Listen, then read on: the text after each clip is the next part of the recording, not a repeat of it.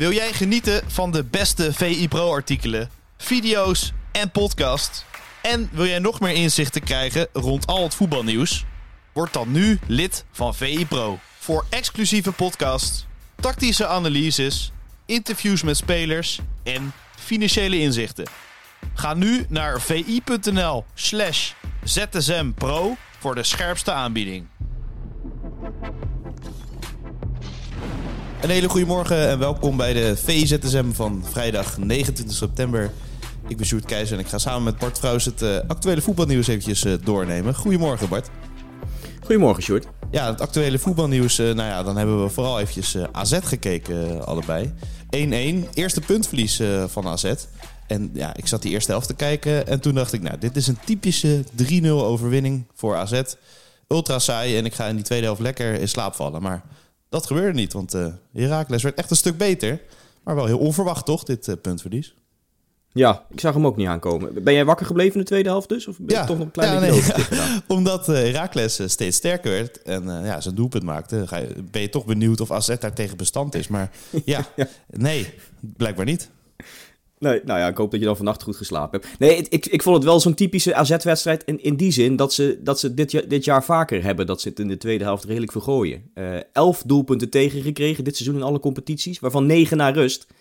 Ik denk dat dat er wel opzomt waar, uh, waar het misgaat bij AZ dit jaar. Uh, en alsnog kun je zeggen, ze hebben in de tweede helft goede kansen gehad. Pavlidis ja. die alleen op de keeper afging, had hem moeten maken.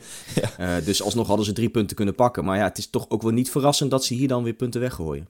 Nee, ja, tegen Mostar is het natuurlijk gebeurd. Maar uh, ja, dat is misschien flauw om een heel seizoen uh, te roepen. Uh, maar dat zit toch wel in die ploeg. Dat is wel een indicatie dat het kan gebeuren. Ja, zeker. Nee, en, het is inderdaad flauw, zeker omdat ze nog ongeslagen waren in de Eredivisie, om dat helemaal eraan op te hangen. Maar puur als je kijkt naar wanneer ze de doelpunten tegenkrijgen, lijkt het in de tweede helft dat, dat ze wat meer ja, treffers incasseren. Nou ja, wat meer. En 9 van de 11 dus. Ja. Het is wel grappig dat als je dan kijkt naar die, naar die expected goals en het aantal schoten, is dat niet gek veel hoger in de tweede helft. Dus op de een of andere manier uh, is het dan dat ze, de, dat ze er wel in vliegen en in de eerste helft niet. Het is wel, wel gek om daar je vinger eens achter te krijgen.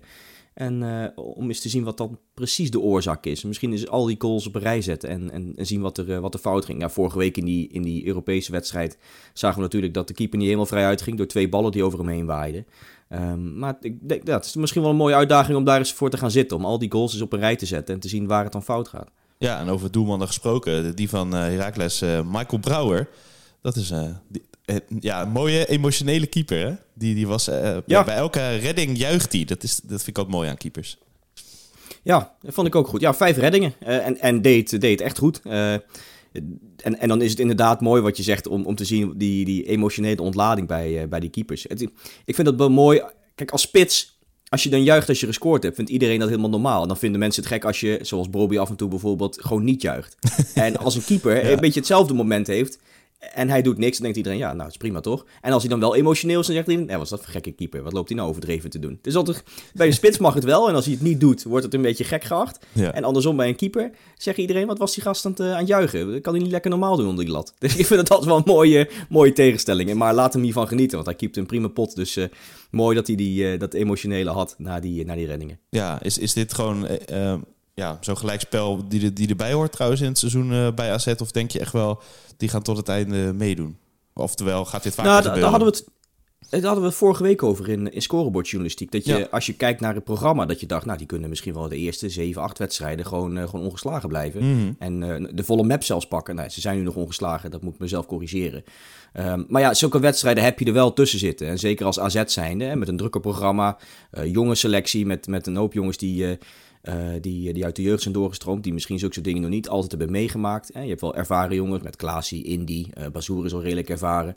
Uh, maar ja, zulke wedstrijden ga je denk ik als AZ toch altijd wel een paar keer houden per seizoen. En ja, dat, dat, is, dat is niet fijn voor de neutrale kijker in de strijd om de titel. Hè. Je dat zoveel mogelijk ploegen zo lang mogelijk meedoen. Maar ja, ik vrees voor AZ dat het wel misschien een paar keer gaat gebeuren dit jaar, ja. En ik vraag me toch wel af hoeveel neutrale kijkers er nou eigenlijk zijn. Uh, dat is een goede vraag. Is dat niet een mooi onderzoek waard? voor de mediapagina. Wat ik trouwens nog wel leuk vond, en, en, dat is even misschien een zijsprongetje. Ik vond die goal van, uh, van, van Herakles mooi. Uh, en ik zag afgelopen week bij, bij PSV in het midweekse programma drie doelpunten die uit een voorzet vielen. Ik ging gisteravond toch eens kijken naar het aantal voorzetten dit seizoen. En, en, en dat is, dan zie je best wel een mooie trend. dat eh, de data wordt bijgehouden sinds 2010, 2011. In die eerste jaren waren er ongeveer 31 voorzetten, of 32 voorzetten zelfs af en toe per, eh, per wedstrijd gemiddeld in een seizoen. Uh, en dat is afgelopen jaren steeds verder gedaald, tot het coronajaar ongeveer 23. Er ging bijna elk jaar net even één voorzetje per wedstrijd af. En nu de laatste jaren, hè, sinds, de, sinds de terugkeer van, uh, van het voetbal, uh, met, met volle stadions en zo, en, en, de, en de hele coronapandemie ja. over is, gaat, die, gaat het aantal voorzetten per wedstrijd weer omhoog. En dan, die daling is dus al langer ingezet. Ik wil geen, geen link leggen met, met lege stadions en corona. Maar het is wel grappig hoe dat in een soort golfbeweging werkt. Dat je, dat je nu weer meer voorzetten ziet dan een paar jaar geleden. En nog niet op het niveau van jaar of tien geleden. Maar het is mooi hoe dat werkt. En als je kijkt naar uh, hoe, hoe, vaak ze aankomen, zitten we nu op een percentage van ongeveer 23,5% dit seizoen. En dat is het hoogste gemeten sinds 2010, 2011. Dus ja. ik, ik, vind het wel grappig, een soort trend in het voetbal. Hè. Je merkt het met meer dingen. Schieten van afstand, wat onder uh, aanvoering van data uh, steeds minder gebeurt. Nou, overtredingen worden steeds minder gemaakt. Je, kunt die trend zien. Maar je ziet niet heel vaak volgens mij een echte golfbeweging. En ja, die lijkt je nu met voorzetten wel weer te geven. Alsof het weer in, in, in de mode raakt om een, om een voorzet of een vroege voorzet te geven. En nou ja, je zag daar dan de goals van deze week. Met die, gisteren die mooie goal van Ouaim. En, en drie goals bij, bij PSV midweeks. Ja, Pieter Zwart heeft er nog steeds last van, hè? Die heeft veel geschreven over dat voorzetten vaak niet aankomen. Maar die teruggetrokken voorzet of uit ja, gewoon combinatiespel... dat er meer goals zijn of vanuit het midden. Dus als er dan een voorzet inwaait of op een hoofd belandt... dan krijgt hij weer een tweetje... Pieter, heb je het gezien? Ja. Het kan wel. Ja, goed is dat, hè? Arme Pieter. Moet hij altijd dan denken. Ja, mooi is dat. Ja, nou ja, maar, maar dat, dat is wel grappig. En het, het, het, komt volgens mij ook om de manier hè, dat, je, dat je nieuwe manieren van aanvallen bedenkt. En, en, en nieuwe, je ziet nieuwe formaties met, met vierkant op het middenveld en doorschuivende backs die naar het, naar het centrum komen, dat soort, dat soort dingen. En waardoor er steeds weer een soort andere, ander voetbal waar je naar zit te kijken, waarin in, in dat soort situaties misschien dan weer voorzetten wel weer zouden kunnen werken. En wat nog wel grappig is, nog één dingetje, want ik zit dan te kijken naar die data en ik denk, hé, hey, nou, het begin van het seizoen, nu zitten we, en, en het aantal voorzetten ligt dat geslaagd is, dus dat aangekomen is bij een ploeggenoot ligt redelijk hoog. Um, is dat moeten we dan verwachten dat dat naar beneden gaat? Of, of is, dat, hè, is het dan tot aan het begin van het seizoen dat het hoog ligt? Dus ik zat die percentages eens te bekijken op wedstrijddag. En dan zie je aan het begin van het seizoen dat het vaak best wel hoog is. Daarna gaat het rond de winterstop naar beneden. En daarna, na de winterstop, gaat het weer omhoog. Dus het is een beetje alsof je dan, alsof je dan hebt van... Nou, we hebben getraind op iets nieuws, we hebben getraind op een tactiek. Nou, ja. uh, en in de eerste maanden van het seizoen werkt het goed. Daarna weten ploegen hoe ze dat moeten verdedigen. En daarna komen we met iets nieuws. En, en dat werkt dan wel weer. Het is ook, dat is een soort golfbeweging. En volgens mij zie je dat met meer dingen. Ook met doelpunten überhaupt. Dat je uh, aan het begin van het jaar, hè, dan komen trainers met nieuwe ideetjes, nieuwe foefjes. Uh, ja. Dan hebben ze nieuwe ploegen, weten ze hoe ze moeten, kunnen ze scoren. De tegenstander heeft daar nog geen oplossing voor. En als dan de eerste paar weken, maanden voorbij zijn, hebben ploegen dat helemaal kapot geanalyseerd. En weten ze hoe ze dus een tegenstander vast moeten zetten, hoe ze zulke soort tegentreffers kunnen voorkomen. Uh, en, en, zie je dan nou ja, het aantal doelpunten vaak wel dalen rond de, rond de winterstop. En, en blijkbaar met voorzetten ook zo. Ik had dat niet verwacht, maar wel grappig om dat eens, om dat eens in de, in de smiezen te krijgen. Zeker, zeker. Dat heb jij gewoon in de gaten, Bart. En jij ook scherp blijven dan, hè? Aan het begin van het seizoen, uh, aan het begin van het seizoen scherp, maar dan moet je wel doortrekken. Niet dat iedereen straks door heeft en dan... Uh... okay. Heb je gelijk Oké, okay, en ik ook hoor trouwens. We gaan daar het meest gelezen op VU.nl. Matthijs de Licht, ja, dat is eigenlijk een transfer die in eerste instantie misschien had plaats moeten vinden. Dat Matthijs de Licht van Ajax naar Barcelona zou gaan. Dat ging niet door. Uh, onder andere door een uh, ja, geweldige deal met Mino Raiola ook uh, naar Juventus. Krankzinnig veel geld verdiend. Nu bij Bayern, tussen bank en basis. Ehm, ja, de licht kan niet helemaal zijn draai vinden nog, hè? Nee, nee, zonde. Hij heeft, hij heeft dit seizoen 83 minuten gespeeld in de Bundesliga. Dat, dat is vrij weinig, zeg ik met een spoortje ironie. Uh, afgelopen zaterdag stond hij wel in de basis. Volgens mij tegen Bochum was dat. Ja. Werd hij in de rust gewisseld. Doelpunt. Hij, hij, komt, hij komt, ja, hij, maar hij komt er gewoon niet echt aan te pas. Dat nee. moet je dan wel weer, weer nageven. En dat, dat, ja, dat is dat is zonde. Hij heeft die Kim Min-jae voor zich staan. dat is geen schande. ik, ik, heb laatst een verhaal van Souli gelezen, die, die, nog veel meer Bundesliga kijkt dan ik. Die dat, ja, die, die dat duiden, waarom hij in de basis staat en wat dan de, de, minpunten zijn van de licht. Onder andere het opbouwende aspect bij, bij Bayern. dat hij daarvoor voor Kim Min-jae kiest. Uh, dus ja, het, het, ziet er niet best uit. En zeker als je denkt, nou ja, volgend jaar EK. Je hoopt toch dat alle centrale verdedigers fit zijn. Dat ze speelminuten hebben gemaakt. En als dit zo doorgaat met de licht. Ja, dan moet je daar toch een beetje voor vrezen. Dus ja, als Barcelona dan aanklopt, bijvoorbeeld in de winterstop. Met een, uh, met een, uh, met een velletje papier en erop een huurcontract. Ja, dan zou je toch denken, misschien moet je dat eens doen.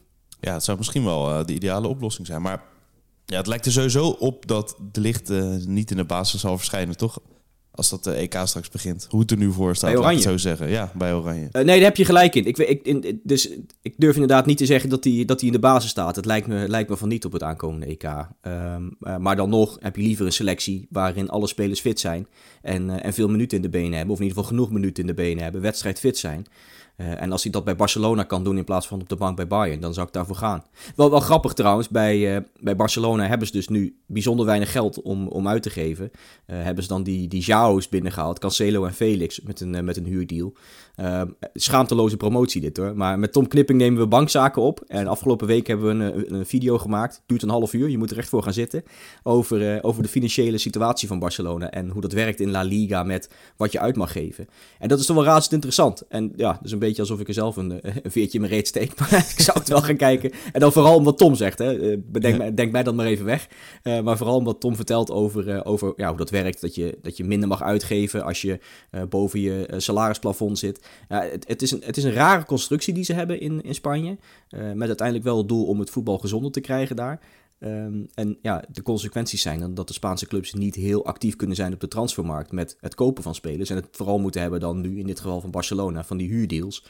Ja, en als ze daarmee uh, in de winterstop de licht binnen kunnen halen, ja, dan hebben ze denk ik een, een, een goede deal gemaakt. Nou, je zegt, goed, een beetje uh, vooruitkijken dit, hè? Ja, nee, je zegt een half uur, maar ik vind het eigenlijk knap dat jullie het in een half uur hebben gekregen. Want Barcelona heeft uh, alle trucjes ook uitgehaald die er bij bestaan. Ongelooflijk. Ja, dus echt absurd wat er allemaal gebeurt met dingen die ze verkocht hebben. Het is nog net niet dat ze de stoeltjes in het stadion verkocht hebben of, uh, de, de lucht voor, het stadion. Voor, voor, de deur. Maar het is, het, het, is alles wat los en vast zit, wordt daar verkocht. En, en daar vertelt Tom, uh, Tom heel mooi over. Dus ik zou zeggen, ga dat eens kijken op, uh, op de site. Nou, dat gaan de mensen zeker doen. En dan gaan we een stapje maken van ja, vergelijkbare grootheid, denk ik. Bassi Bum bij Rode JC. de, de trainer die eigenlijk niks opdook voor mijn gevoel. Maar hij doet het heel goed. En de, de, de kop vond ik vooral heel mooi. De strekking was een beetje, ik kwam geen lantaarnpaal voorbij, dus uh, daardoor moest ik uh, slim zijn. Dat is toch vaak wel het verhaal bij, trainers, hè? Ja, mooi is dat. Dat jij zegt, ik had hem niet aanzien komen als trainer. Want ik had dat idee ook niet bij, bij. Hij is nu dus de hoofdtrainer van, van Roda. Doet het perfect in de keukenkampioen-divisie. Staan bovenaan daar. En dat is de afgelopen jaren wel eens anders geweest. Roda vorig jaar vijftiende. Als je dat coronajaar wegdenkt, was dat het slechtste jaar van Roda sinds de jaren 70, begin jaren 70. Ehm, maar dan komt in één keer Bassi Bum langs, waarvan, waarvan ik echt niet door had dat hij uh, zo aan de weg timmerde als trainer. En ja, je, ik, ik weet niet hoe het met jou zit, uh, maar je hebt van die spelers die je dan ziet, en ook in het stadion. Uh, en dan denk je, nou, dat is een leuke voetballer, die kun je er goed bij hebben.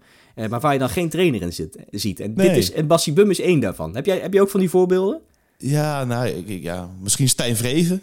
dat had ik het ook niet van ja, verwacht. Nee, ook een goeie. ja, ja. dat ik denk, hè, ja, dat, dat, dat, dat klopt niet helemaal. Uh, maar ja, als motivator uh, uh, misschien wel. Ja, wat is er nog meer een goed voorbeeld? Um, nou, Afalai, die is nu de jeugdtrainer bij Feyenoord. daar, daar heb ik het ook niet echt helemaal in gezien, Ibrahim Afalai. Nee, nee. Nee, grappig. Nou, ik, ik had het op het begin ook niet echt gezien van Ruud van Nistelrooy bijvoorbeeld. Nee. om, om nog maar iemand te noemen.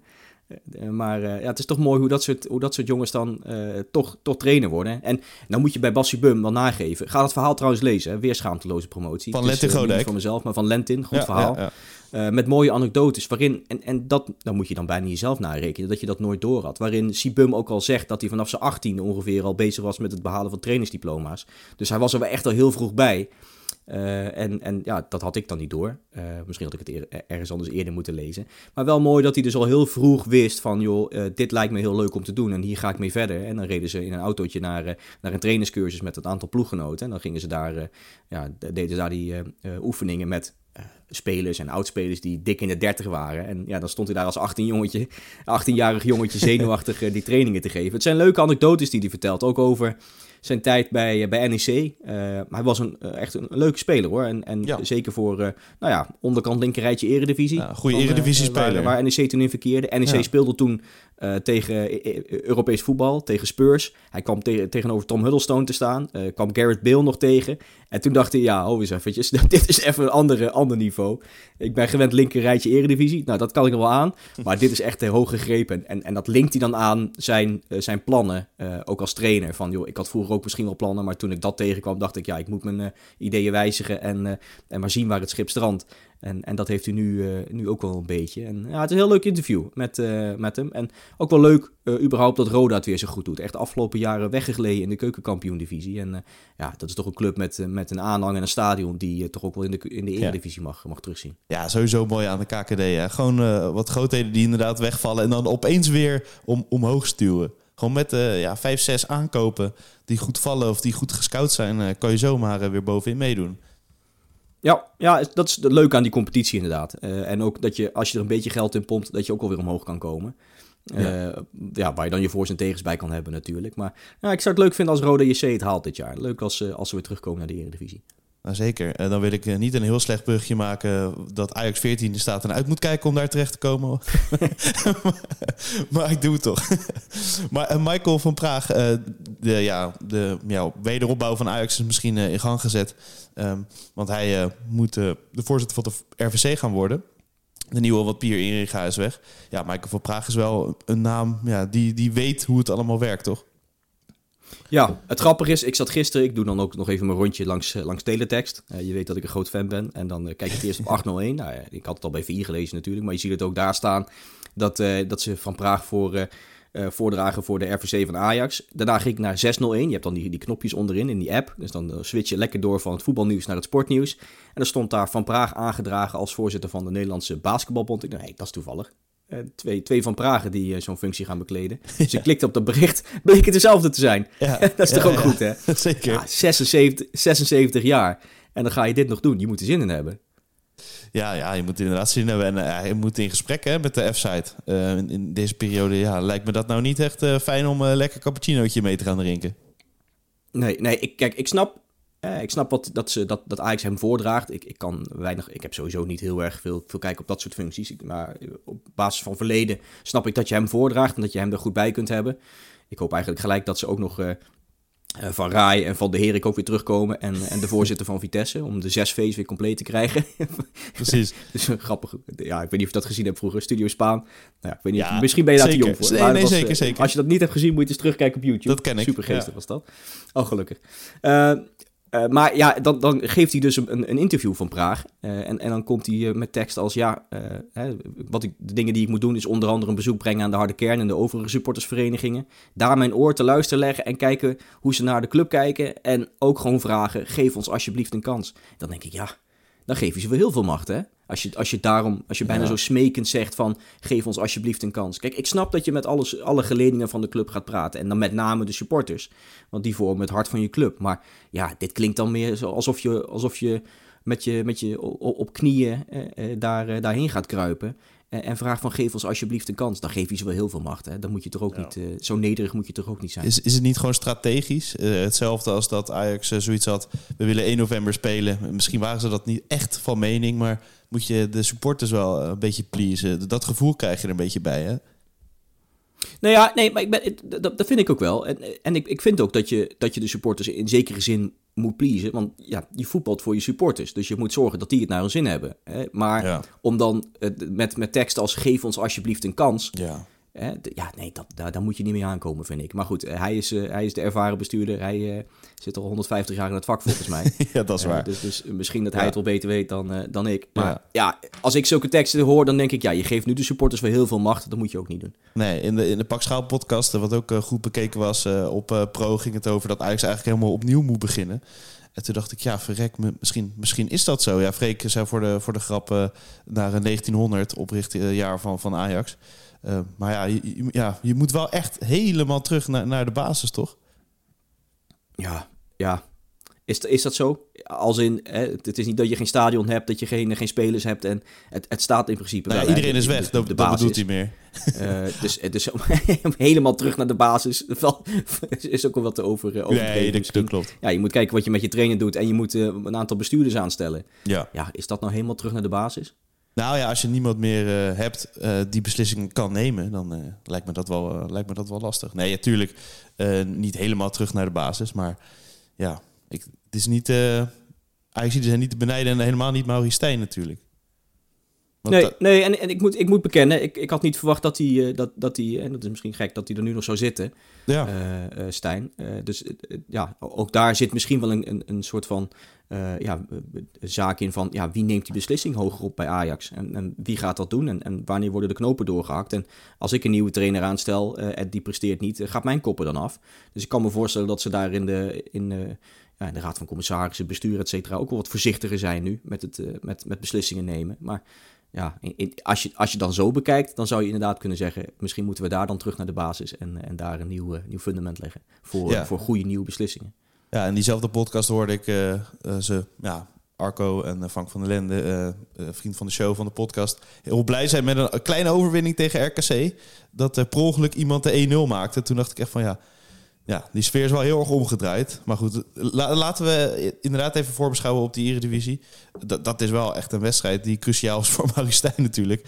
Ja, als, als, als je daar niet wint, of, of niet overtuigend wint zelfs, ja, wat, wat moet je dan doen als trainer? Ja, ja, nee, dat klopt. Maar eerlijk gezegd had ik het ook met die serie van drie wedstrijden... die ze nu achter de rug hebben. Ja, dat is Eh, waar. De, Ja. de Twente, Marseille en Feyenoord. Eh, als je daar niet overtuigt, dan kan het misschien ook wel eens afgelopen zijn. Ja.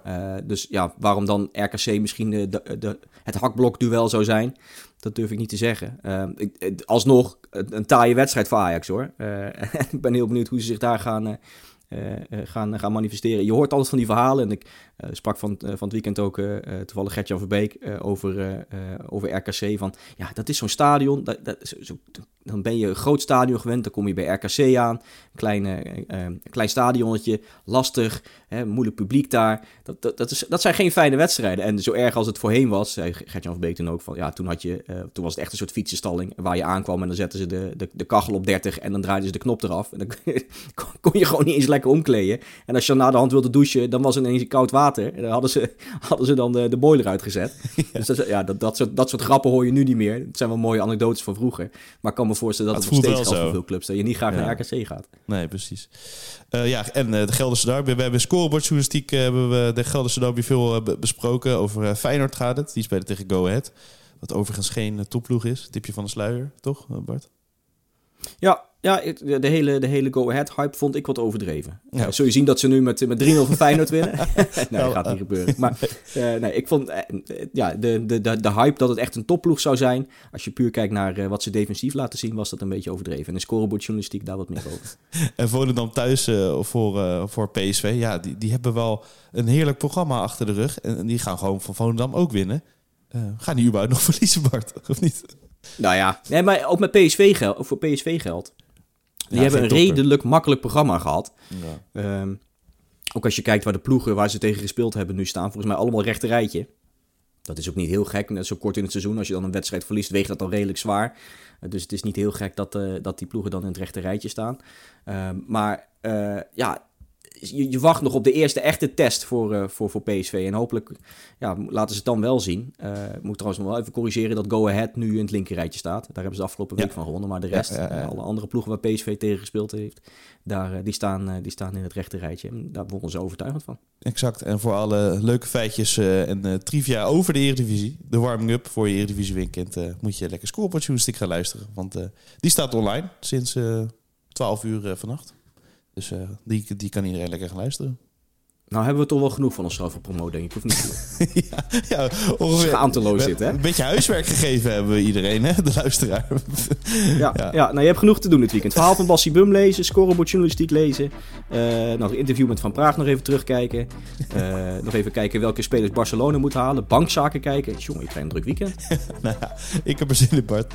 En eh dankjewel voor je tijd. Tot ZSM. Tot ZSM.